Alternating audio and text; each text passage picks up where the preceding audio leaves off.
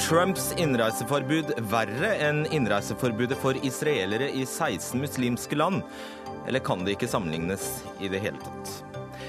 I India har et titalls ingeniører sittet og kunne styre det norske nødnettet. Bortsett fra at det er et lovbrudd, hvorfor i himmelens navn driftes det norske nødnettet fra India? Det går ikke like nå. Velferdssystemet er altfor godt, og vi må søke øke skattene fordi vi bruker for mye penger på folk som burde stå på litt mer, raser DDE-vokalist Bjarne Brøndbo.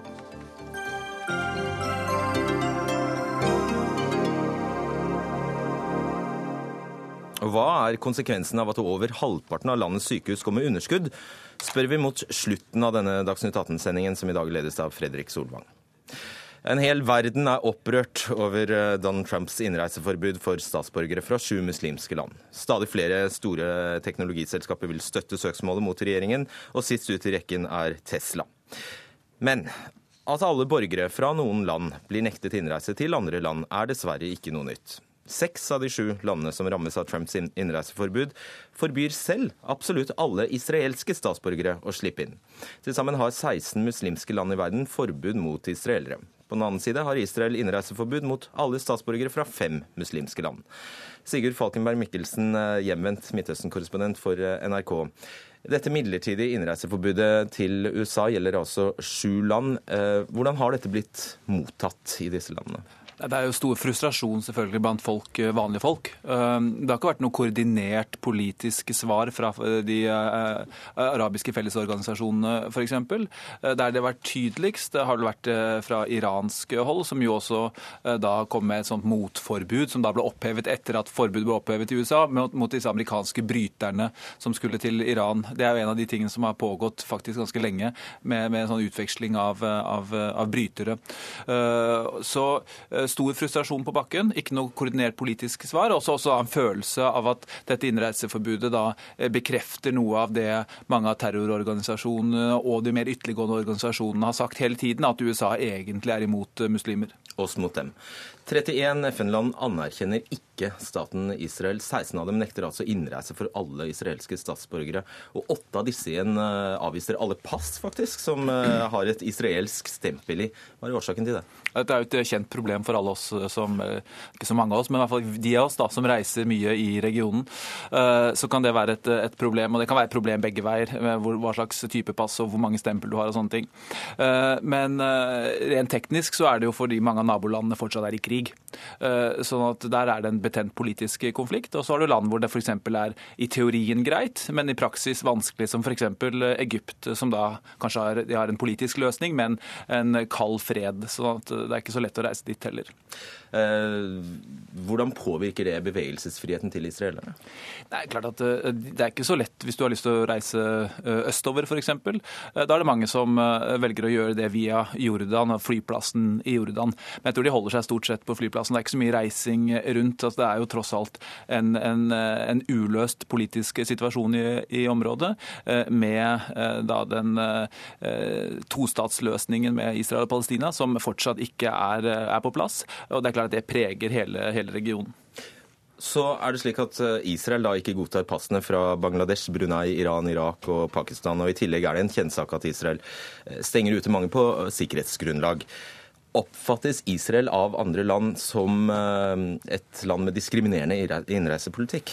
Jeg tror ikke det er veldig mange arabere som gjerne skulle f.eks. besøkt eh, Jerusalem eh, og vært eh, der for å be, for å, for å oppsøke de muslimske helligdommene som de ikke får anledning til.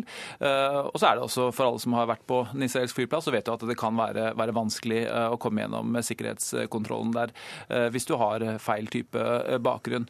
Sånn at dette er en region som er geografisk ganske liten, men veldig vanskelig å reise i. Takk skal du ha, Sigurd Falkenberg Mikkelsen. Katrine Jensen, du er leder for Palestinakomiteen eh, i Norge. Kan man sammenligne dette innreiseforbudet i USA med forbudet for israelere disse 16 muslimske landene har? Rent umiddelbart vil jeg si at det er vanskelig. Jeg syns det kommer klart fram at det er to forskjellige ting. Eh, det som Sigurd eh, sier her, at Eh, flere land eh, blant de som har dette innreiseforbudet for israelere, har det på bakgrunn av at de er i krig eller konflikt med Israel. Jeg vil også understreke at jeg er ikke her for å forsvare disse 16 landene. Syns kanskje ikke nødvendig. Nei, det skal, du, det skal du for all del få, få, slippe, men det er prinsippet vi er mm. ute etter. Ja, og, og eh, det innreiseforbudet som, som, Trump har eh, kommet med nå, fremstår som vilkårlig. Eh, det begrunnes i, i sikkerhet, eh, samtidig som det allerede er Eh, ganske gode sikkerhetsrutiner for å få komme inn i USA. Syrere som, som søker innreise, blir bakgrunnssjekka i 18-24 måneder. Og en sånn innreisenekt over natta syns jeg er vanskelig å sammenligne. I motsetning til da et innreiseforbud, jeg tolker deg dit hen at du mener innreiseforbudet for israelere i disse muslimske landene, siden det er politisk begrunnet, og siden det er så gammelt, det er jo 60 år gjerne, Eh, så er det en helt annen sak. Og da er det greit? Eh, jeg vil som sagt ikke si at det er greit, men det er to ulike ting. Mm. Hva syns du, Anne Sender, sekretariatsleder i Samarbeidsrådet for tros- og livssynssamfunn. Er det mulig å sammenligne? Det er noe som kan være sammenlignbart, fordi, det, eh, fordi det treffer den enkelte. Og så er det noe som absolutt ikke er det. Dette fra de muslimske statene ble innført idet Israel ble opprettet. Um, og da kastet ut sine egne jødiske borgere, og så stengte de for jødiske borgere inn i sine, i sine land utenifra. Uh, og det har holdt seg hele tiden. Så er det nyanser i dette også, som, som Sigurd uh, sa. Uh, for noen land så, så, er det en praksis, og så er det noe som er prinsipielt, holdt jeg på å si. Jeg vet at f.eks. israelere kan komme til Marokko. Så, så, det er nok noe sånne nyanser på dette, men, men det er men det er en, rett, en, stats rett å bestemme hvem som skal komme inn og ut. Men et sånn totalt forbud som dette gjaldt fra starten av i 48, og det var jo før okkupasjon og alt det andre som vi kan legge på, um, går jo på at man ikke tålte jødene i sin midte. Og at man aksepterte de andre statene som ble opprettet på samme tid. Hva sier du til det, Jensen? Jeg er jo enig i at uh, enhver innreisenekt som, uh, som går på grupperinger, er ikke bra, eh, og ikke noen ting som man, eh, som man kan støtte. Så hvis intensjonen er å holde folk ute fordi de er jøder, så er det selvfølgelig helt feil. På samme måte som eh, Trump sitt innreiseforbud på mange måter ser ut til å være retta mot muslimer. Hva er din forklaring da på at hele verden gjør anskrik overfor Trump, mens man har levd med dette forbudet fra 16 land i over 60 år? Det kan ikke jeg svare på. Hvorfor hele verden gjør anslag på det? Ja. Olje, ikke sant. Og, og, det som også førte til, til boikotten av den totale oljenekten i, i, i 74. Eh, hvor alle som handlet med Israel, ble boikottet, inkludert av Norge. Businesser og land og alle relasjoner ble frosset hvis man hadde noe med Israel å gjøre. Og det var selvfølgelig eh, at den arabiske samlingen eh, boikottet alle som hadde noe med Israel og ikke ville selge olje. Katrine Jensen, hva, altså Kunne Norge ha innført, helt hypotetisk selvfølgelig, en innreisenekt for israelske borgere? Nei, ikke umiddelbart på den måten som Trump har gjort nå overfor, eh, overfor sine, eh, altså disse muslimske landene. Men eh, jeg mener at borgere som kommer fra, fra, okkupert område, altså israelere på, på, okkupert område, ikke uten videre skulle fått kommet til, til Norge. Avigdor Liebermann er en av dem. Han er forsvarsminister og bor i en bosetting som er folkerettsstridig. Og det mener jeg at det er viktig at omverdenen reagerer og sanksjonerer. Eh, og jeg, vil også understreke at eh, innreisenekt som rammer israelere, eh, sannsynligvis har mye mer med at det er en form for sanksjon for Israels politikk overfor palestinerne, og ikke fordi at eh, det er jøder som, eh, som, bor i Israel. For det er jo ikke bare jøder som nektes. Det er, en, det er alle, og det får vi bekreftet fra ambassaden, at det er samtlige med israelsk statsborgerskap. Kan jo for så vidt være arabere og hvem som helst, det. Eh, Sender, er du enig eh, i denne analysen? Nei, altså jeg tenker for det første at dialog er et under, underbrukt eh, virkemiddel i alle sammenhenger. Eh, og jeg mener også at det å stenge de, de som sitter med beslutninger ute på, eh, fra reise på den måten som det, du sier. For det første så syns jeg jo Liebermann er et dårlig eksempel med alle de andre.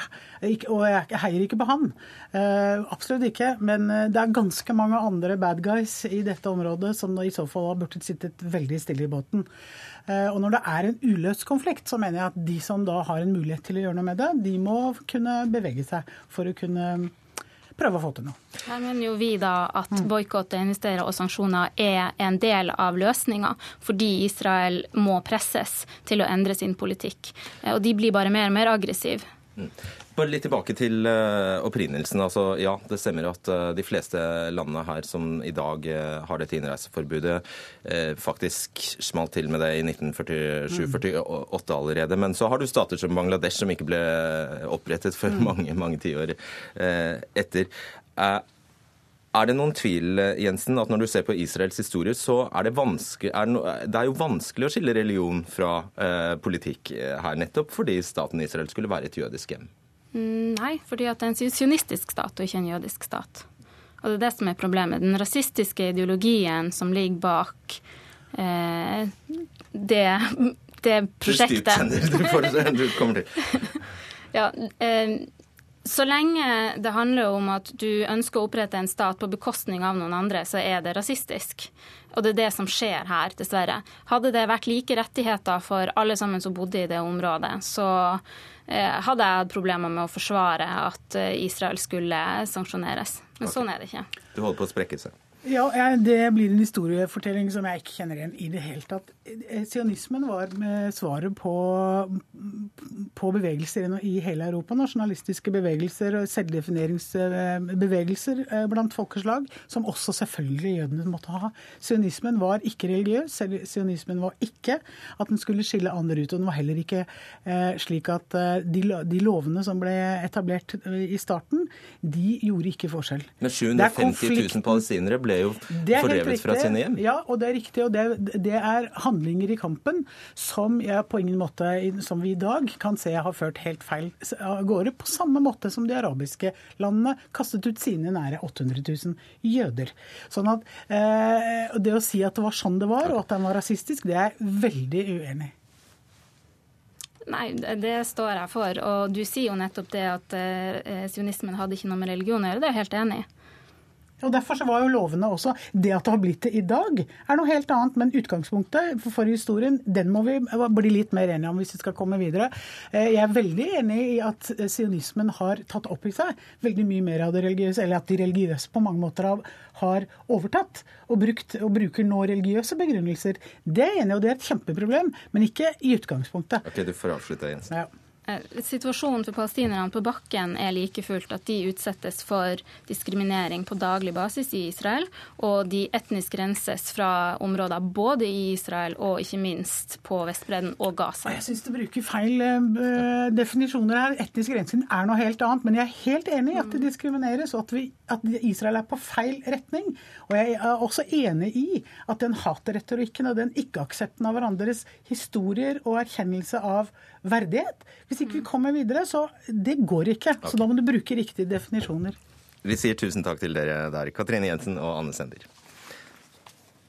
Fordi vi skal eh, fortsette langs det samme sporet. Med jevne mellomrom kommer jo debatten om Norge skal boikotte Israel.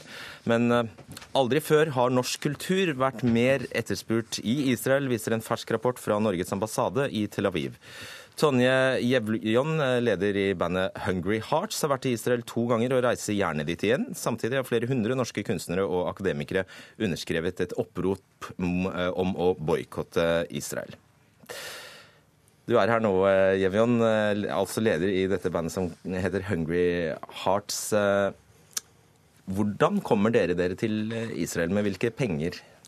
Det er penger som norske ambassaden i Israel gir til den festivalen som inviterte oss, som var GR Espien filmfestival i Tel Aviv. Så da får vi dekket opphold og reise. Og det har du ingen betenkeligheter med? Nei, det har jeg ikke. Det er eh, noe med at der møter vi jo filmskapere fra Palestina og Tyskland. Vi snakker sammen, vi får en økt forståelse for hvor vi kommer fra. Og kanskje hva som er grunnlaget for eh, det synspunktet folk har. Eh, og jeg tror jo at man må møtes og, og snakkes for å eh, kunne komme videre. Og ja, det er jo i det møtet med folk man også er uenig med, at man får prøvd da, det ståstedet man har. Hva slags musikk spiller dere? Det er jo pop. Pop, ok. Øystein Grønning, leder for eh, nå må jeg ta sats, Samordningskomiteen for akademisk og kulturell boikott av staten Israel. Eh, hvorfor mener du, altså, eller mener du at Tonne Tonje Gjevjon og Hungry Hearts har gjort noe feil? Eh, ja, så lenge det er offisiell representasjon, så mener jeg det er feil. Og, og det å dra til Israel sånn som situasjonen er på Vestbredden eh, og i Gaza, Eh, så bidrar det til å normalisere en stat som har en veldig hard okkupasjon av andre folks områder på gang. Og det, det er eh, whitewash, om du vil, og det er vi imot. Hvitvasking? Hvitvasking. Men du hører jo hva hun sier. Ja, Dialog hører, og det å snakke sammen. Jeg hører det, og, og dette er jo dialogspørsmålet som kommer opp. Eh, det har vi forsøkt siden Oslo-avtalen. Jeg var selv med på det i sin tid der nede, og, og den har feilet fullstendig. Vi blir bare gisler for å skjule, for å normalisere en stat som driver en okkupasjon. Hva sier du til det, Jepan? Nei, altså det, jeg tenker at Hvis man vil ha endring av Israels politikk, så er det befolkningen i Israel som må sørge for den endringen. Og jeg tror at en boikott av Israel det vil medføre at befolkningen føler seg isolert, utfryst. Og det fører til aggresjon og at man føler seg urettferdig behandla. Og det løser iallfall ikke en allerede løst, eh, låst eh, konflikt. Da. Sånn at jeg tror eh, skal man på en måte endre noe, så må man gå inn og forstå hverandre da, og alle parter og prøve å komme med impulser utenfra. Og være kritisk også. Hvordan går det med denne boikottoppfordringen egentlig, når norsk eksport av kultur setter nye rekorder? Ja, Det er mye penger i alt, og det bruker å gli fortere og bedre når det er mye penger i ting. Boikotten er verdensomspennende. Eh, store jødiske organisasjoner i USA f.eks. går inn for boikott. Eh, Sør-Afrika, jødiske organisasjoner også, i England. Så den brer mer og mer om seg, og i, i takt med det så øker desperasjonen. Jeg har lyst til å understreke en ting. Vi er ikke imot dialog med israelere. Vi er imot den som sponses av det offentlige. Men hvor skal den dialogen finne sted, hvis den, ikke engang kan reise til Israel? Den finner sted overalt. Vi treffer hverandre overalt. Vi reiser til Israel. Vi har møter med israelere. Ja, så hva, da, da, begriper jeg ikke helt hva du mener Jevjon har gjort feil? Fordi det er snakk om det offisielle. Det er snakk om, uh, om, venues, om møtesteder, som er med på å bygge opp under en normalitet som ikke fins. Dere vet jo helt sikkert veldig godt hva dere gjør, og dere beveger dere inn i et vepsebol. Så dette må dere ha klart tatt Har dere tatt stilling i konflikten? Ja, altså Vi er jo en sånn gruppe som består av syv stykker, så alle måtte tenke på det. Sånn at, Og så kom vi fram til at vi dro. og Hvordan de andre medlemmer stiller seg i dag, det vet ikke jeg. Men eh, vi vil dra ned igjen. Og det er jo fordi at vi Altså de som driver den eh, festivalen her, som er en gay and lesbian filmfestival, de har vi også snakket med, at de vil jo absolutt ikke oppleve det som noe konstruktivt hvis internasjonale gjester slutter å komme. altså Da kan de legge ned, og da må de slutte å være kritiske og få til møter der folk fra forskjellige land møtes. Men dere kan jo, vet du at dere ikke har blitt utsatt for, eh, eh, for propaganda fra, fra, Israel? Det er klart Israel liker å sole seg i glansen av, eh, av en sånn festival. Som et liberalt og åpent samfunn, f.eks. Ja, altså jeg aner jo ikke hva andre sier om oss, men når vi er der nede, så snakker vi for oss selv. Og vi representerer på en måte ikke Norge, men vi kommer fra Norge. Og da kan vi liksom snakke om f.eks. Vi snakker jo om tusen forskjellige ting som gjør at de får en forståelse for f.eks. For likestillingspolitikken i Norge. Vi snakker om den konflikten her som har låst seg helt, og vi forsøker å nærme oss hverandre. sånn at det er liksom det jeg kan gjøre. Eh, og om folk, om noen bruker det til å si at vi støtter eh, okkupasjonen i Gaza, så det kan jeg uansett ikke styre. Det kunne de gjort uten at vi var der nede. Eh, ja, altså jeg, jeg, føler trang til å understreke at dette er ikke en sak mellom folk med ulikt synspunkt i Norge og Israel. Det er Vi boikotter fordi palestinerne har bedt oss om det. 180 organisasjoner på palestinsk sivil side har bedt oss om det. Og det er fordi de vet at dialogen er en avsporing. Den funker ikke. Så, så, så, jeg mener at det vi hører om nå, det retter seg helt klart mot det palestinerne står for. Og det skal du til avslutningsvis få svare på, for dette kjente du vel til? Eh, ja, men jeg tenker sånn, selv om palestinere ber eh, Norge om å boikotte, så betyr jo ikke det at man skal gjøre det. Vi har bare ulik strategi. Hvordan, skal, hvordan vi tenker at den låste konflikten skal kunne løses, rett og slett. Og der står vi. Takk skal dere ha, Tonne Gjevjon og Øystein Grønning. Og vi skal fremdeles holde oss ved temaet, for grenser stenges, flyktninger avvises, murer eh, bygges, boikotter iverksettes. Det er selvfølgelig ikke nytt, dette her. Men hvor trist er det ikke at det skjer i en tid da vi liksom skulle ha nådd toppen av sivilisasjonen? Mats Andenes, professor ved Det juridiske fakultet ved Universitetet i Oslo og ekspert på internasjonal rett og menneskerettigheter.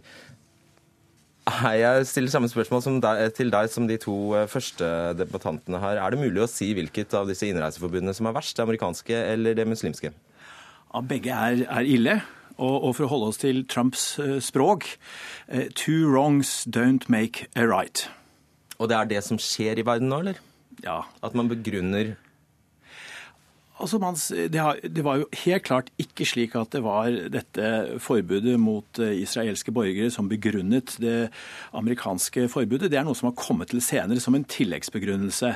Eh, men slik ser vi jo det ofte. Man, man finner at noen har gjort noe galt, og så finner man en begrunnelse for å gjøre noe galt igjen mot andre. Og, og det er en sånn uh, ulov, lovbruddsspiral. Det er ikke noe positivt i den. En ond spiral. Hva sier folkeretten om restriksjoner i bevegelsesfriheten, som jo er så sentral? Ja, I utgangspunktet så er fri bevegelse en, en rett. Det er en menneskerett.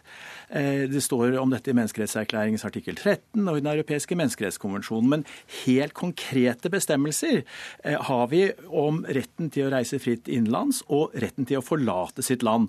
Naturligvis på Noe av bakgrunnen for det er jo hva eh, kommuniststatene gjorde, hvor de holdt borgerne inne. Men når det gjelder å komme inn i landet, så står statene friere. Men eh, de må begrunne. De kan ikke nekte på et usaklig grunnlag. Og de kan f.eks. ikke gjøre det på grunnlag av rasediskriminerende eh, kriterier. fordi det sier folkeretten et absolutt eh, nei til. Det er et forbud mot det. Og da har verdenssamfunnet kraftfulle virkemidler for å hindre det? Nei, eh, det er jo et område da hvor det ikke er noe håndhevelsesorgan. Det er ikke slik at det er et verdenspoliti eller en verdenshær som griper inn. Så noe av det viktigste da er at man holder sin egen sti ren. Eh, når det er slike regler. Det er veldig viktig da, å holde sin sti ren. Og så må man ha en klar stemme, slik at man sier ifra. Mm.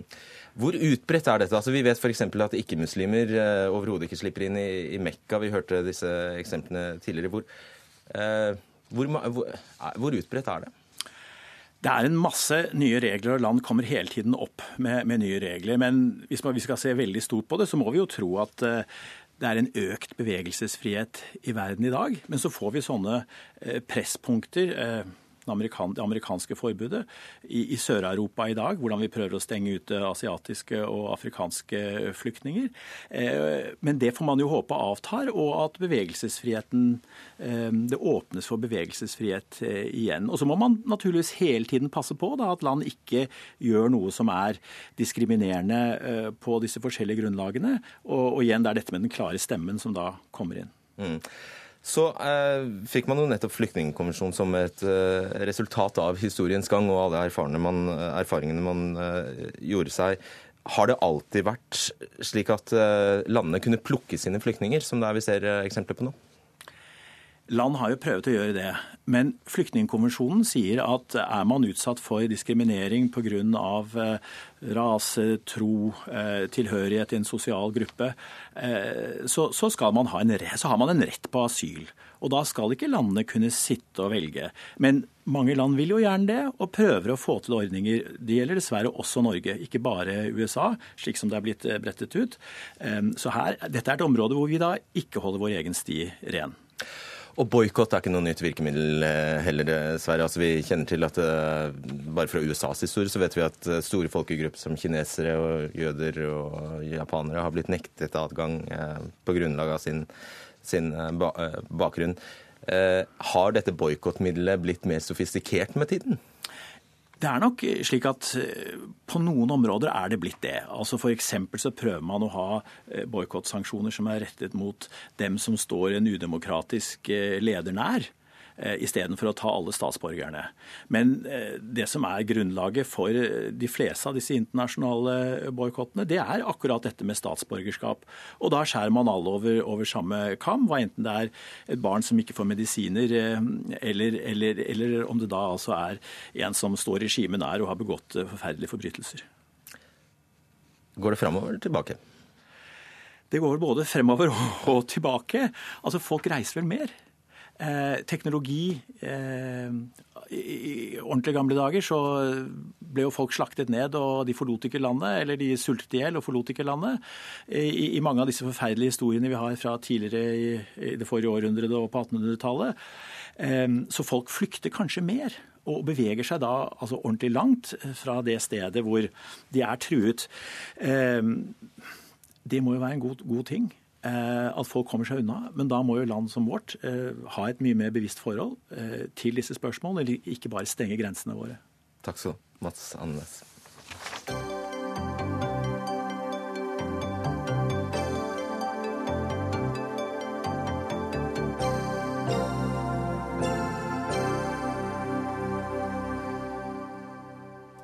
Så til saken som har vekket oppsikt eh, både hos det norske folk og forhåpentligvis også hos norske sikkerhetsmyndigheter, og som har fått justisministeren til å kalle det et alvorlig tillitsbrudd. Indiske IT-arbeidere har fått tilgang, og har hatt tilgang, til det norske nødnettet. Det kunne altså NRK fortelle i dag. Og Nødnettet er altså det nettet som skal sørge for god kommunikasjon i Norge ved store ulykker, branner og terroraksjoner. Jeg er litt usikker på hvem dere er, men jeg satser på at dette er uh, Torbjørn Krøvel. Stemmer det? Ja, Da er du driftsdirektør for det som kalles Broadnet, som er en av Norges største fibernett- uh, eller fiberleverandører på bedriftsmarkedet. Det er altså deres selskap som har indiske arbeidere som har hatt tilgang til deler av dette nødnettet. Og hvordan fikk de det? Først av alt så vil vi gjerne få lov å beklage den hendelsen som har skjedd. Det er en hendelse vi tar svært alvorlig. Det var bra. Og det er også slik at det heldigvis ikke skjedde noen feil i forhold til den hendelsen her avvik her, eh, som også er viktig for oss å understreke. Eh, så er det slik at eh, vårt, Våre nettverk og kabler, de er, deler av de er underlagt norsk sikkerhetslov. De deler av vårt nettverk og våre kabler som er underlagt sikkerhetslov, de blir driftet fra Oslo, fra vår sentral der, av personer som har tilgang og er autorisert. Påstår du nå at det ikke er begått et lovbrudd? Også de delene som ikke er eh, underlagt sikkerhetsloven, blir driftet fra India. Så skjedde det et avvik i rutinene, slik at enkelte personer som sitter i India, hadde tilgang til det nettet de ikke skal ha tilgang til ved en enkelthendelse. Og det er noe som vi selvsagt beklager. Det du kaller enkelthendelser, er, er et lovbrudd? Vi ser ikke på det her som et lovbrudd. Vi ser på det her som at det her er noe som er et avvik på de rutiner som har skjedd, der vi har stramma kraftig inn. Vi har rapportert hendelsen. Hva er et avvik? Vi har rapportert, de, de hadde et tilgang til en del system de ikke skulle ha. Vi har rapportert hendelsen... Er det, er det, i henhold til eller ikke i henhold til loven? Vi har rapportert hendelsen til sikkerhetsmyndighetene, Nkom og NSM. Og vi har også tett dialog med dem om hvordan hendelsen skal følges opp, for å sikre oss at det her blir strammet inn på. Det, er, er det i henhold til eller ikke i henhold til loven? Slik vi forstår det, så er det et avvik vi tar svært seriøst. og, det, og den hendelsen er ja, Det er jeg ikke så opptatt av at dere tar det. altså Det skulle bare mangle. Men er det i tråd med loven, eller er det ikke? Slik vi uh, ser det nå, så er det noe som er i tråd med loven, ja. Dere mener det er det. Ok. Så kan du forklare hvordan i all himmelens navn det skjedde at disse indiske IT-medarbeiderne fikk tilgang til det de ikke skulle ha? Det her var noen som fikk uh, tilgang til en del av nettverket, uh, trolig pga. et uh, menneskelig feil, der de fikk en tilgangsnivå de ikke skulle ha. Hva betyr det? Akkurat hvordan det skjedde, det er ikke vi klar over, men vi går gjennom alle våre rutiner nå for å stramme kraftig inn for å sikre oss at det ikke skjer. Noen må aktivt gi dem den tilgangen, vel? Det er trolig noe som skyldes en menneskelig feil, men akkurat hvordan det er skjedd, det kan vi ikke redegjøre for nå. Hvor lenge hadde de tilgang? Eh, de avvikene som skjer som vi eh, melder inn i forhold til sikkerhetsloven, er noe som vi ikke kan gå inn i detaljer på. Så jeg ber om forståelse at jeg ikke kan gå inn på det spørsmålet. Nei, det er ikke så... Hvorfor skal jeg ha forståelse for det? Det er slik at eh, Våre nettesystemer er underlagt sikkerhetsloven. og da er det slik at Vi må nødt til å begrense med den informasjonen vi kan si. Skal ikke vi andre kunne finne ut hvor alvorlig dette avviket er? Eh, vi er i tett dialog med sikkerhetsmyndighetene. Vi snakker med våre kunder, eh, og vi rapporterer saken slik som lovverket krever. Så vi får ikke vite hva du faktisk beklager? Vi beklager at det har vært et avvik i våre Men hvor stort det avviket er, vil du ikke fortelle oss? Det vi har sagt også tidligere, er at det var inntil ti medarbeidere som fikk tilgang. Det er greit. Hvor lenge? Og hvor lenge det er, det er noe dessverre ikke vi kan gå inn på. Vil du forklare det, for det virker mystisk? Hva tenker du på nå? Hvorfor du ikke kan si det? Nei, Det er slik at eh, det er begrensninger i forhold til hvilken informasjon eh, rundt det nettet vi kan gå ut med og ikke gå ut med. Og akkurat det tilfellet her så kan ikke vi gå kan ut med Kan du ikke, eller vil du ikke? Vi kan ikke. Ok. Ifølge hva?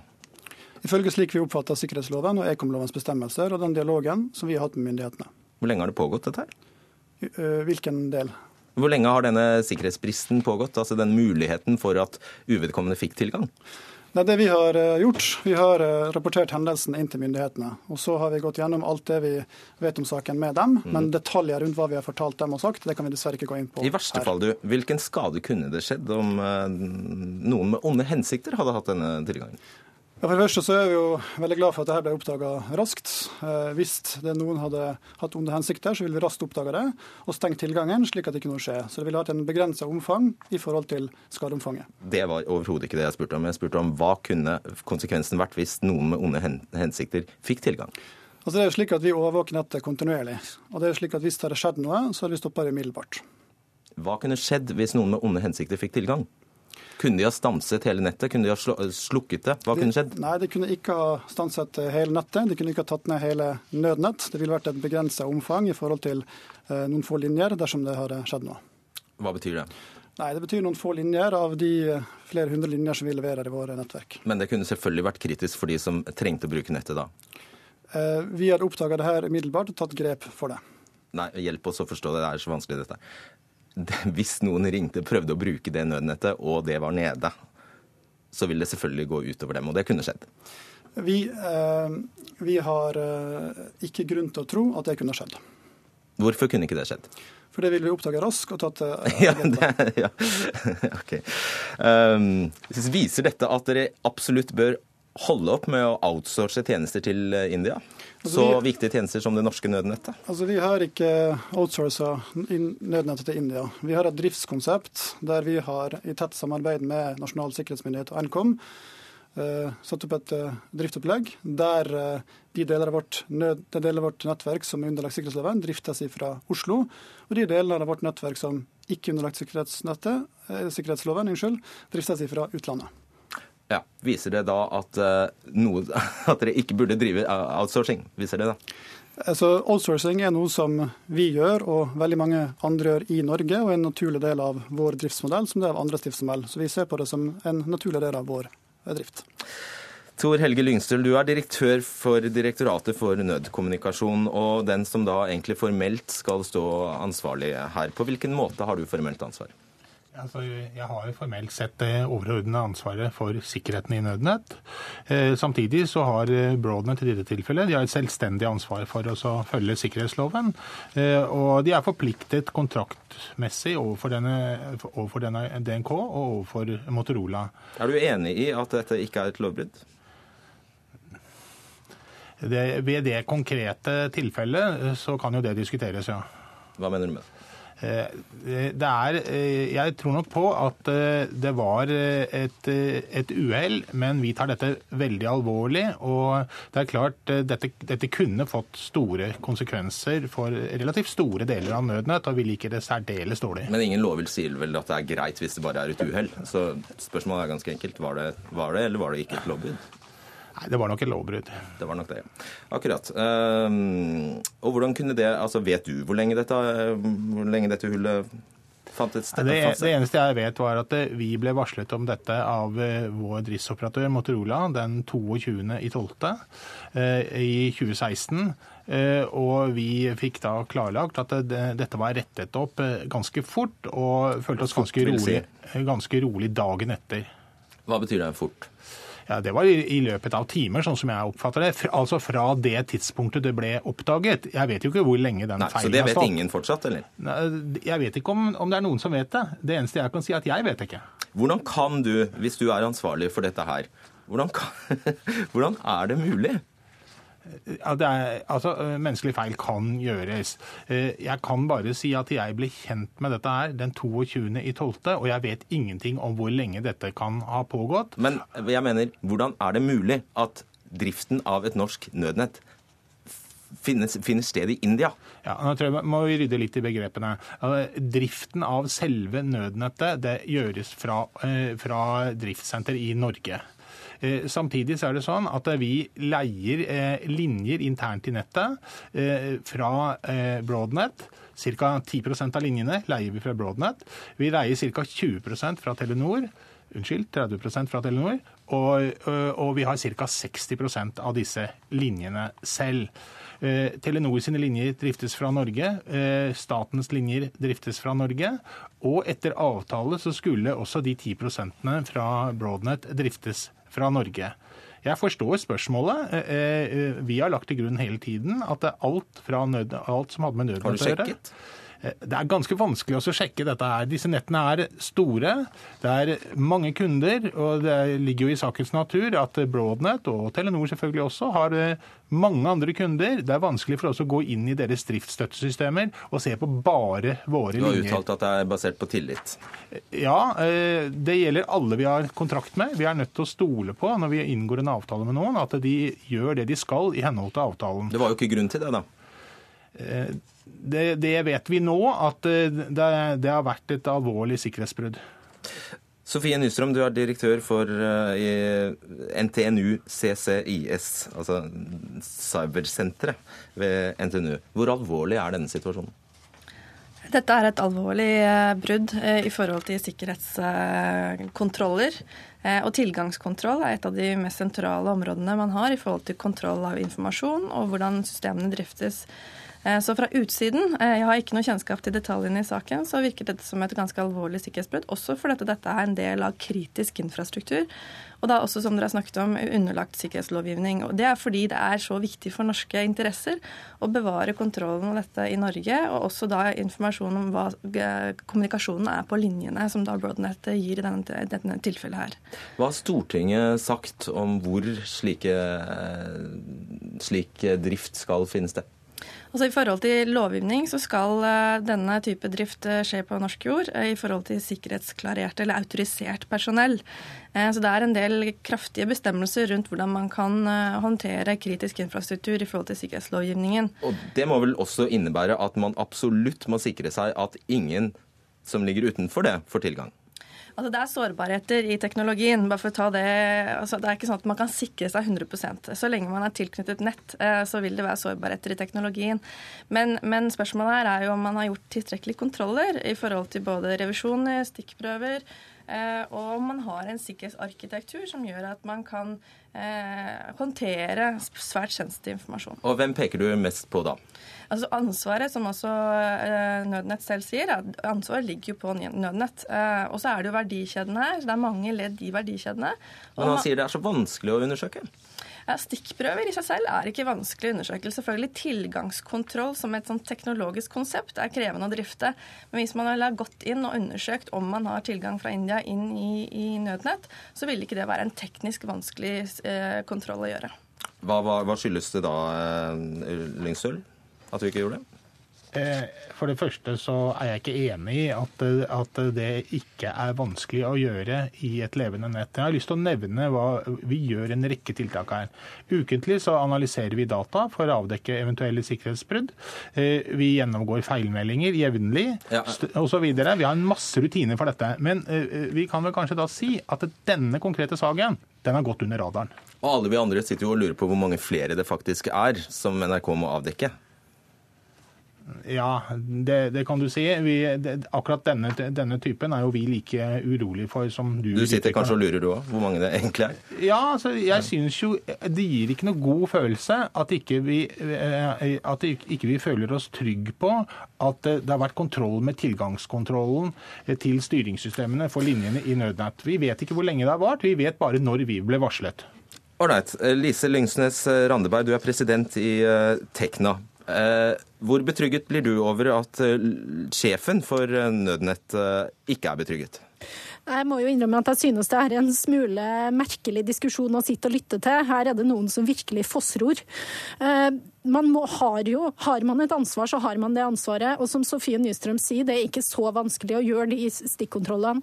Når det gjelder selve saken, så er jeg jo ikke overraska, dessverre. Og det her viser jo igjen at vi er mye mer sårbare enn det vi tror. Og her er det nok flere ledd i næringskjeden som har svikta og ikke gjort jobben sin med å følge opp sikkerheten i nødnettet. Jeg stiller deg det samme spørsmålet. Kan du forklare hvorfor Tech Mahindra i India ja, åpenbart, Om de ikke drifter, så har de i hvert fall tilgang til deler av det norske nødnettet? Ja, Var det meg du spurte nå også? Ja, jeg spør deg. Ja, Nei, det er et godt spørsmål. Det er jo åpenbart at det skulle de aldri ha hatt. Og Vi er jo i en situasjon nå hvor vi ser at mange toneangivende norske virksomheter er mer opptatt av å sette ut virksomhet til utenlandske bedrifter enn å gjøre grundige evalueringer og analyser av risiko og sårbarhet. Og nå hadde ikke justisministeren eh, anledning til å være med i, i, kveld, men han har tidligere kalt dette et alvorlig tillitsbrudd. Hva må politikerne gjøre nå? Nei, jeg tenker jo at uh, man må komme på banen med tiltak for å sikre at utkontraktering til utlandet kun skjer etter svært grundige sikkerhets- og sårbarhetsvurderinger, og også grundig bakgrunnssjekk av dem som faktisk skal gjøre jobben. Og det her er jo også tatt opp i Lysne 1-utvalget. Og Stortinget har jo ennå ikke tatt godt tak i denne spesifikke problemstillinga, så her har de også en jobb å gjøre. Det som er viktig da, det er at vi ikke får en sånn fryktbasert quick fix, men at vi får en grundig gjennomgang både av lov og regelverk og hvordan det her praktiseres. Nystrøm. Ja, Det er viktig med, med nyanserte og gode lover, men, men, uten kunnskap og et driftspersonell og en, en, en ledelse osv. som fungerer for, for, å ta pulsen og sjekke disse tingene kontinuerlig. Dette er prosesser vi snakker om. Eh, så jeg tenker at lovgivning, ja, det er én side av saken. Eh, men like så mye kompetanse å kunne faktisk stille de vanskelige spørsmålene og følge opp. Har han ikke gjort jobben sin, Lyngstøl? Eh, jeg går ikke inn på saken, jeg kjenner ikke hva de har gjort og ikke gjort. Eh, men stikkprøver i denne saken her ville jeg gjort fra India for å avdekke om det er mulig å, få tilgang til norske nødnett. Ok, Til slutt, Lyngsel, du får høre det fra to hold her at uh, det er ikke sant at dette er så vanskelig. Det er, det, er en, det er, en, lang kjede, og det skjer ting hele tiden. Eh, I etterpåklokskapens perspektiv så kan du selvfølgelig si at kanskje vi burde ha gjort mer. Eh, men vi fikk ingen indikasjon på at dette ikke var i, i, i henhold til avtalen. Men ser du ikke paradokset her, at det er et nødnett? Jo, og det er et kompleks nett med mange tusen linjer. Vi gjør en rekke tiltak for å kontrollere sikkerheten i det nettet. Og denne konkrete feilen, den, eh, den så vi ikke før vi ble varslet om den. Og nå rydder vi opp i, i denne saken. Og det er klart at vi, eh, eh vi eh, stiller masse spørsmålstegn med at den kontrakten vi inngikk i 2006 med Bane Tele basert på infrastruktur bygget av Statnett og av Jernbaneverket. Vi skrev kontrakt med, med Bane Tele i 2006. Skal, ok, ja. Eh, og Til det skal jeg bare føye til, og nå, nå må vi avslutte. Etter det eh, kjøpes altså Bane Tele av Ventelo organisert som Ventelo Networks. Ventelo opp, eh, kjø, blir kjøpt opp av Bredbåndsalliansen. EQT kjøper Ventelo. Samtidig blir Datacom-delen skilt ut som eget selskap, Broadnet. Og Broadnet setter altså driften ut til Tech Mahindra i India. Ja, det er det som har skjedd der. Og Vi fikk altså varselet på dagen ti år etter at jeg personlig skrev under kontrakten med Bane Tele om dette sikkerhetsbruddet. Greit. Kommer du tilbake Torbjørn Krøvel, og forteller når du kan det, da, hvor lenge dette har pågått? Vi er i dialog med myndighetene for å avklare det her, så hvis de kan fortelle det, så får vi komme tilbake. Vi gleder oss. Takk skal dere ha. Eh, Lise Lyngsnes Randeberg, president i Tekna.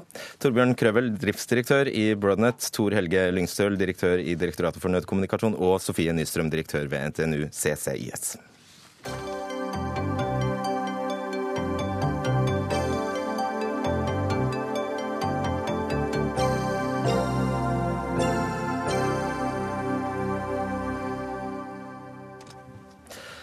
I en kronikk i VG i går skrev DDE-frontfigur og bedriftseier Bjarne Brøndbo at det norske velferdssystemet er altfor godt, og at politikerne må ta bort ordninger som gjør det enkelt å velge Nav som hovedarbeidsgiver.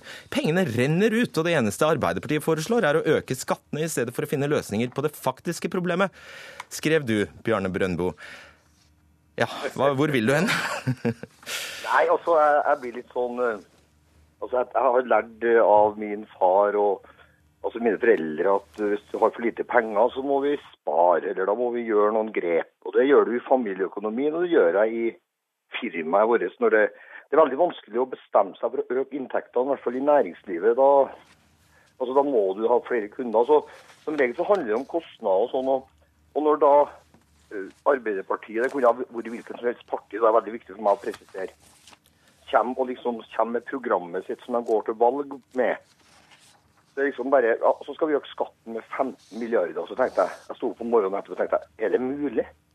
De bare kommer med en sånn tall, og så har de ikke ingen forankring i hvorfor skal de gjøre det, og hva er begrunnelsen, og har de gjort noe i andre enden? Og Da blir jeg litt sånn provosert. Så det er jo litt satt på spissen mye av det jeg skriver, men samtidig så er det nok mange, mange som kjenner igjen noen eller en situasjon i det jeg beskriver. Ja, altså For de som ikke har lest eh, teksten din, er det, eh, hvor er det skoen trykker mest for deg, bortsett fra at eh, du jo egentlig da skriver, skriver at du blir veldig provosert over at man foreslår å øke skattene når du ser at pengene renner ut i andre enden. Hva er det du mener med det? Det jeg mener er faktisk det at vi har velferdsordninger som selvfølgelig er basert på den kampen generasjoner før meg har kjempa for å faktisk ha rettigheter for arbeidstakere, ha trygghet når helsa svikter. Altså det her er basisbehovene som skal dekkes. Så føler jeg kanskje at det er et, et veldig veldig skummelt sykdomstegn i den norske velferdsmodellen når, når det å drive med arbeidsintegrering, arbeidsinkludering, attføringsbedrift er en stor, stor vekstnæring. Altså det, det, det svære firma som holder på med det nå. Og jeg tror, jeg tror at liksom statistikkene lyver. Ledigheten er større, alt er større. Og så har vi da insentiv, at vi har ordninger som oppfordrer folk til å slutte å arbeide. Bli pensjonist så tidlig som mulig. Hvorfor okay. skal vi det? Yes. Tove Karoline Knutsen, stortingsrepresentant for Arbeiderpartiet. Noe av det Brøndbo peker på i tillegg til dette, eller det han er innom her sist, er jo at polititjenestemenn kan gå av eh, med pensjon som 57-åringer. og Deretter kan de f.eks. jobbe som drosjesjåfører og heve lønn samtidig med, med at de får pensjon. Kan du skjønne at han ikke helt får det til å henge på greip? Det er mange ting av det Bjarne Brøndbo sier som jeg godt kan være enig i. Eh, noe er jeg litt uenig i.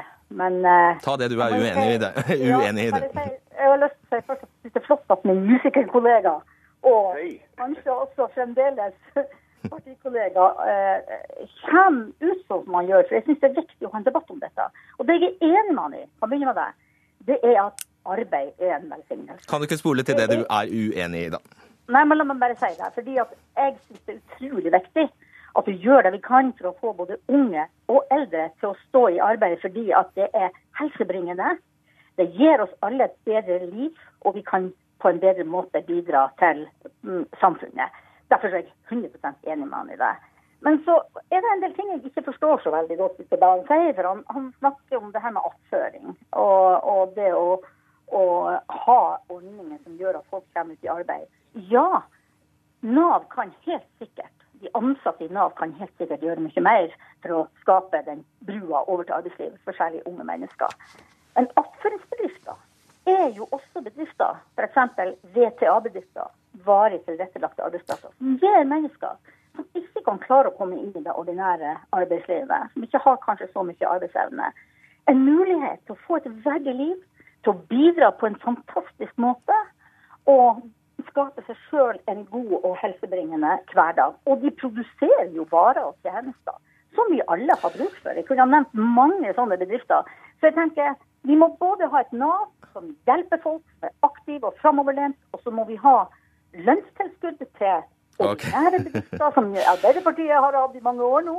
Og så må vi ha en type attføringsbedrifter som hjelper de som vi vet ikke klarer å stå i det ordinære arbeidslivet. Er du sosialdemokrat fortsatt, Bjørne Burendo?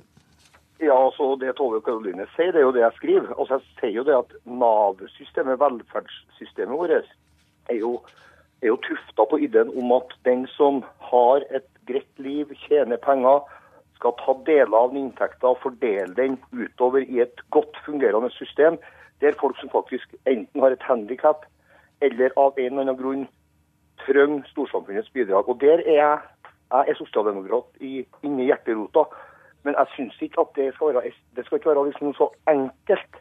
Altså, Jeg skjønner, jeg skjønner ikke hvorfor at ikke Arbeiderpartiet for eksempel kan gå litt i klinsj med fagbevegelser og si at nå må vi lære ungdommen at det er forskjell på å møte på jobb og ikke møte på jobb. Det vil si at våkner du en morgen og er litt sånn i halsen, du får lov til å få ta deg fri, du får lov til å ligge i senga, men du får ikke noe betaling. Ålreit, svar på det, Knutsen.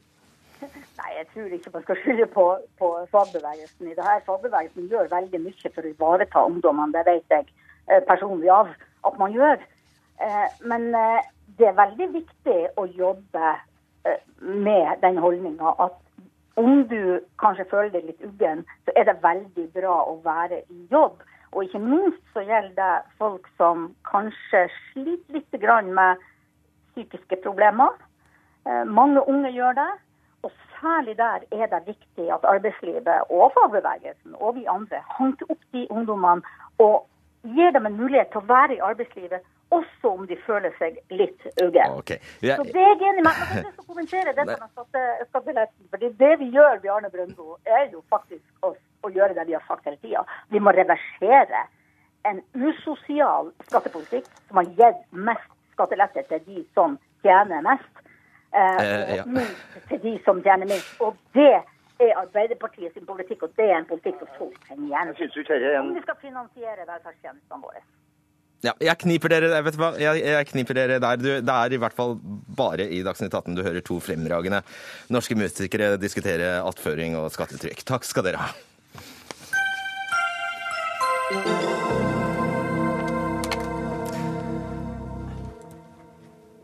halvparten av helseforetakene, dvs. Si sykehusene, har budsjetter i underskudd, viser en gjennomgang VG har gjort i dag. Flere av sykehusene har gått med underskudd på mer enn 100 millioner kroner, faktisk. Og det er nettopp eh, overskuddene på sykehusene budsjetter, sykehusets budsjetter som skulle ha gått til investeringer i alt fra bygg til maskiner. Regjeringen løper fra løftene sine, mener eh, Arbeiderpartiet. Bent Høie, helse- og omsorgsminister fra eh, Høyre. Hvordan forklarer du at dette skjer i det hele tatt?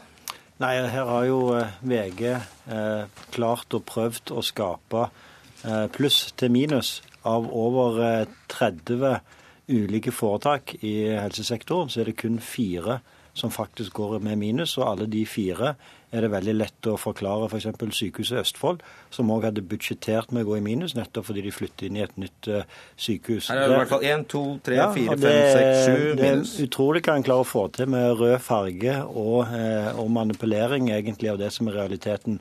Ta f.eks. Oslo universitetssykehus. Eh, Oslo universitetssykehus har et samla budsjett på 22 milliarder. De går med overskudd på over 200 eh, millioner. Minus 19 står det. Ja, minus 19. Og det vil si at de har bomma på budsjettet sitt med 0,8 promille. Og det klarer altså VG eh, å fremstille som at de, de går i, med underskudd. Jeg ville sett den ledelsen og ansatte i en virksomhet som har et budsjett på 22 milliarder kroner, som klarer så godt å okay. på også budsjettert resultat, og så henges de altså ut i VG som om de går med underskudd, når de i realiteten går altså med 200 millioner kroner i overskudd, og ikke bare det, treffer veldig godt eh, i forhold til det de òg hadde forventa som overskudd. Ok, Forvirrende. Tor- Torgeir Micaelsen, Nei, helsepolitisk det er veldig klart. Det er litt forvirrende, Nei, faktisk. jeg det bestemmer jeg. Jeg Torgeir Micaelsen, helsepolitisk eh, talsperson i, for eh, Arbeiderpartiet, som da får eh, tall på vegne av VG i denne sammenheng. Hva det? Hvem, hvem har rett? Eh, nei, De har jo rett begge to, men eh, poenget er jo at eh, VGs framstilling er jo helt presis på det de fremstiller presist. Og det er at landets sykehus, som er organisert da, som nettverk av sykehus, som det vi kaller foretak, de lager budsjetter for to formål. Det ene er å drifte sykehuset i løpet av et år. Det er til å behandle pasienter og vedlikeholde det de har bygget, og kjøpe inn medisiner og andre ting. Men i tillegg så må de sette av noe penger gjennom det vi kaller overskudd. Det er litt sånn fremmed i et sykehus kanskje å snakke om overskudd, men dette er jo ikke overskudd som skal gå til utbytte til eiere. Det er å få råd til å kjøpe en ny maskin er eller en kommer. ny at da, seng eller noe. Ja, Når du går med overskudd, og det må sykehus gjøre, det holder ikke som Høie prøver å antyde at bare du går eh, over null, så er på en måte eh, ting løst. Du må gå med overskudd for at du skal skaffe penger til å investere i helt nødvendige nye bygninger, nytt utstyr og forbedringer i sykehuset. Og Det er jo da, da eh, altså sykehusene sammen med de regionale helseforetakene, altså overbygningen regionalt, og Høie som helseminister, blir enige om noen budsjettposter om hva som bør være målene for det året. Og Når da en lang rekke av foretakene og sykehusene nå ikke når det, så skjønner jeg at det er ubehagelig å høre. Og så er jeg jo enig i at noen av de har jo truffet ganske bra. Men det er jo ikke uvesentlig at en lang rekke av sykehusene ikke når de økonomiske målene eh, som er satt. Fordi det går på bekostning av alt annet likt. Så må man skyve på enkelte investeringer neste år. Ja, det er ganske logisk. Ja, men så er det jo heldigvis sånn da, at summen her eh, går i betydelig pluss. Eh, summen, hvilken sum? Det er resultatet. altså Hvis man tar det samme Hele Helse-Norge? Hele og for alle helseregioner hver for seg, så er det sånn at hver eneste helseregion og alle helseregionene samla sett har et overskudd som de skal nettopp bruke. Det er helt enig i det som Torgeir Micaelsen sier. Det er viktig at sykehusene våre samla sett går med overskudd, nettopp for å kunne gjennomføre investeringer. Vi skal nå åpne nytt sykehus i Kirkenes, vi planlegger nytt sykehus i, på Helgeland, i Drammen, i Stavanger. Det investeres betydelig i Førde, i Bergen. Alt er rosenrødt, med andre ord. Nei, men det investeres enormt, faktisk rekordmye både i bygg, IKT og utstyr. Og En av grunnene til det er nettopp at de ansatte, i sammen med ledelsen på sykehusene våre, i 2016 har klart å skape et overskudd som er 1 milliard over det som jeg og helseregionen hadde forventa skulle være overskudd i 2016. Bare det, bare det, Bent Høie, er litt av en prestasjon. For du har altså tynt dem for Du har knept igjen denne skruen på den effektiviseringsreformen din. Det gjorde du over natta i en budsjettrunde. Pluss at du ikke har innfridd løftene dine. ikke sant? Du har gitt dem over 3 milliarder mindre enn det du sa lovte at de skulle få. Så det er all ære til, til, dem. For at de ja, har altså. For det første så har jeg bevilga mer penger til sykehusene enn det som de har vært vant med når Arbeiderpartiet styrte. I tillegg så har de gjort en fantastisk jobb. Ikke bare har de klart å redusere helsekøene. Ja, men mitt poeng var at det er ikke din fortjeneste nødvendigvis. Nei, jeg, det er jeg jo helt enig i. Fortjenesten for fordi at det er skapt gode resultater i sykehusene. Det er det de ansatte og ledelsen som har. Eh, og så er det jo helt riktig som du sier, at i forhold til det valgløftet som vi ga i 2013, så ligger vi om lag tre millioner bak. Men Milliarder, takk. Ja, milliarder, ja. Men det, det er verdt å da huske at det valgløftet ble gitt i 2013. De økonomiske utsiktene for Norge så helt annerledes da enn den situasjonen vi har vært igjennom, med en halvering av oljeprisen og den største flyktningkrisen som har sett. Og rekordhøy oljepengebruk. Eh, Torgeir Micaelsen, eh, det har jo ingenting å si dette her, så lenge totalen er i pluss? Eh, jo, det har det. fordi det er ikke slik at du som sykehusleder og ansatte på et sykehus bare kan lene deg på at alle andre gjør jobben for deg hvis du har behov for å bygge nytt eller få nytt utstyr. Du må også levere en del selv. og eh, VG har et annet eksempel nå ettermiddag med sykehuset i Telemark, der de bl.a. har planer om å investere i stråleterapi, altså moderne kreftbehandling. Det kan de nå se bort fra, fordi de ikke, har ikke økonomien under kontroll. Det har konsekvenser. Og så er jeg veldig glad for at eh, helseministeren nå trekker fram alle de flotte ansatte og lederne som gjør en fantastisk jobb.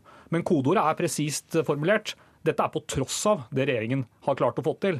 De har også etter 2013 klart å altså klart å levere sodojomeretter på skattekuttene. Over 20 milliarder kroner har skjedd i en veldig krevende økonomisk tid, som Høie sier. Men altså sykehusenes egne løfter gitt av Høie nærmest en time etter vi ga dem, har han ikke klart å få til. I de budsjettene jeg har lagt fram, så har vi lagt opp til en høyere vekst i de fire budsjettene det Arbeiderpartiet klarte gjennom sine åtte. Result resultatene for, i løpet av disse tre årene er 8 milliarder kroner i pluss. Det er nesten dobbelt så mye som det økonomiske resultatet Arbeiderpartiet fikk til når de styrte sykehusene. Og Det betyr at vi har noe grunnlag for rekordhøye investeringer i bygg, IKT og utstyr. Og det er det som vi nå ser landet rundt. I tillegg så har vi innfridd Arbeiderpartiet sitt løfte når det gjelder antall behandla pasienter, to år før Arbeiderpartiet sjøl trodde de skulle klare det. Ja, det og, ordrikt forsvar, vil jeg si. og ventetidene går ned, og helsekøene ja, Alt er rosenrødt. Jeg står feil på klokka i sted, men nå er det ti sekunder. Ok, ja, men det, det, føyer seg inn i rekken av en altså, Høyre- og Frp-regjeringen som soler seg i egen fortreffelighet, eh, som bruker tallmagi for å få eh, både ventetider og andre ting til å se pent ut, mens realiteten er at de burde gå i seg selv og se hva var poenget med å bruke 20 milliarder kroner på skattekutt når du ikke klarer å levere sykehusene engang. Jo, men det er helt... Det er, tom for argumenter, så blir det en Stopp! Takk! Odd Nytrøen, Finn Lie og Fredrik Solvang takker for seg.